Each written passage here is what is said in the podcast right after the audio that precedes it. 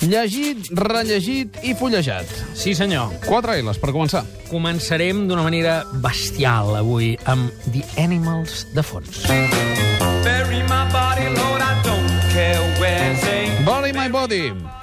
Sí, senyor, una cançó històrica, diguem, dels Animals per recomanar una novel·la molt curiosa, una novel·la de Daniel Pennac, d'aquest eh, autor francès que ja fa anys que ens va seduir a tots amb un llibre d'assaig que es deia com una novel·la, en el qual el- l'argument bàsic, eh, que va ser trencador en el seu moment, era de dir, quan una novel·la, quan un llibre no t'interessa i estàs a la meitat, llença'l. Clar. Patapam, però fent així i tot. Eh? Llença'l. Perquè si no el prejudici de dir ai, ai, l'he d'acabar, m'estic morint. què? Eh? Molt bé. Doncs aquest senyor, que després ha demostrat que ell en les seves novel·les ens, ens té ben atrapat, i n'ha fet unes quantes, ara publica Diari d'un cos. Uh, això ho publica Empúries, en traducció al francès de Joan Casas Fuster. En castellà ho trobareu a Mondadori. És un plantejament molt radical. És un noi que als 12 anys decideix començar a escriure cada dia un dietari sobre què li passa al cos. Sensacions, canvis que va experimentant, diguem, però el seu cos, no? Això passa l'any 36 i ho continua fent durant tota la resta de la seva vida fins que mor amb 87 anys, eh? eh I, per tant, el seu cos passa per moltes transformacions. A veure, aquest recurs, tot i que eh, sembla com d'una cosa com de forense, no?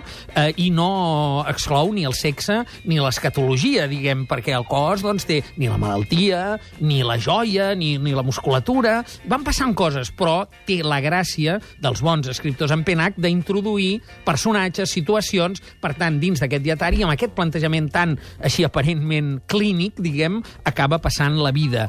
Eh, per tant, el cos aquí actua com un habitatge, no? com, com la casa al qual acaben mostrant les traces de qui ha viscut, i en aquest sentit és una novel·la recomanable, refrescant, això sí, eh, diguem, eh, hi té moments, eh? De, eh si hi ha gent aprensiva, mm, s'haurà de treure les manies i continuar tirant endavant per aquest diari d'un cos. No deixar-ho a meitat, eh? Això mateix. Mots clau. Eh, cos i ànima, també. Per tant, fisicitat, vida, però també envelliment, també mort, i un referent, Jos Perec, en el seu tipus de literatura amb llistes, eh, fixant-se, diguem, amb les coses, en els habitatges. Doncs aquí, Penac, el cos. Dalí se desdibuja.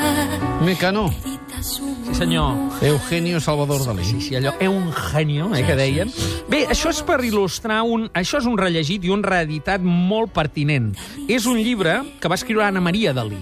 Es diu Salvador Dalí vist per la seva germana. Això ho reedita ara Viena amb una edició a cura de Mariona Seguranyes que eh, fa una introducció àmplia que ho situa molt bé. A veure, aquest és un llibre que la, que és la germana d'en Dalí va escriure, diguem, en contra de son germà, per replicar les falsedats que ella trobava en la lectura de la vida secreta de Salvador Dalí, que va sortir durant els anys 40. Eh, bàsicament el que hi ha al darrere és un, un enfrontament de model o de, de vida i s'intueix, i la, la, la Mariona Seguranyes, Seguranyes ho, ho col·loca bé, eh, que el que hi ha és l'influx pervers de la gala, uh. -huh. a la qual, diguem, l'Anna Maria eh, li encoloma molts dels mals, del que li succeeixen a son germà, però clarament eh, parteix de dir tot el que el Dalí ha construït del seu personatge, hi ha una gran part de falsedat.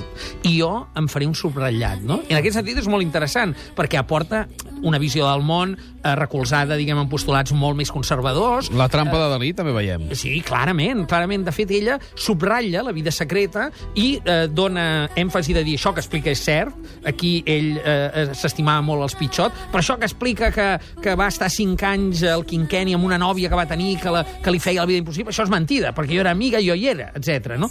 De manera que és interessant, eh, perquè, òbviament, el geni de Dalí emergeix al darrere i és el que justifica aquest llibre. És un llibre que va sortir publicat l'any 48 en castellà per raons de guió, va ser escrit en català, però va, va, l'editorial Juventud ho va treure primer en castellà, i que Dalí va sempre mm, silenciar.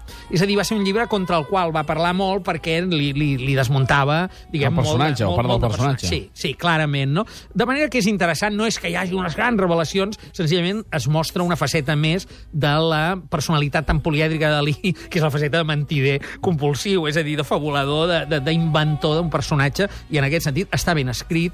Eh, L'Anna Maria Dalí va tenir una certa vida d'escriptura, eh, també sobre Cadaqués. Evidentment, és aquella noia que surt d'esquenes mirant la finestra, eh? Sí. Saps aquells quadres? És a dir, va ser model de son germà, va compartir, diguem, el to amb ella i des, amb ell, i per tant, eh, diguem, no és un llibre de revenja, allò no és el llibre de mi verdad d'una folclòrica contra Ja, algú altre, ja. eh? És un llibre literàriament consistent, però hi ha al darrere aquesta pulsió clara de dir, hosti, aquella dona, perquè mai no l'esmenta, però és la gala la que està al darrere, ha fet que mon germà aquí s'inventi qui sap què i se'n vagi amb aquests surrealistes, dissoluts, etc etc. Interessant. Mots clau. Intimitat, infància, geni, personatge, família i cadaqués. No vaig triar. Lax en Busto ens canten No vaig triar. Mira, el fullejat d'avui eh, és Te elige, per això he posat el- la tria, diguem, dels Laxambusco, que això és de Miranda Jolie. És un llibre molt peculiar que edita Seix Barral amb una col·lecció literària feta per aquesta guionista i artista californiana que mentre preparava el guió de la seva següent pel·lícula es va penjar dels anuncis classificats de la revista Penny Saver, eh? una revista d'aquella de, de, de, de coses barates. I llavors va començar a visitar-los a tots els que venien coses i fer-ne un reportatge. Hi ha fotografies de la Brigitte Sear, eh, la traducció de l'anglès al castellà és de Mercedes Cebrián, i és com un guió absolutament friqui, de gent que ven coses estranyíssimes, que, que cria, per, em, diguem, animalons, és a dir, el tipus de submón eh, que pots trobar, eh, que pot emergir dels anuncis classificats. Una aposta interessant, refrescant i per fullejar, no sé jo si per llegir-s'ho sencer, Miranda Jolie te elige 6 barra. Moltes gràcies, Màrius. A reveure. Petita pausa. I saps qui ens visita? Qui? Sílvia Munt. Uau! Ja venim.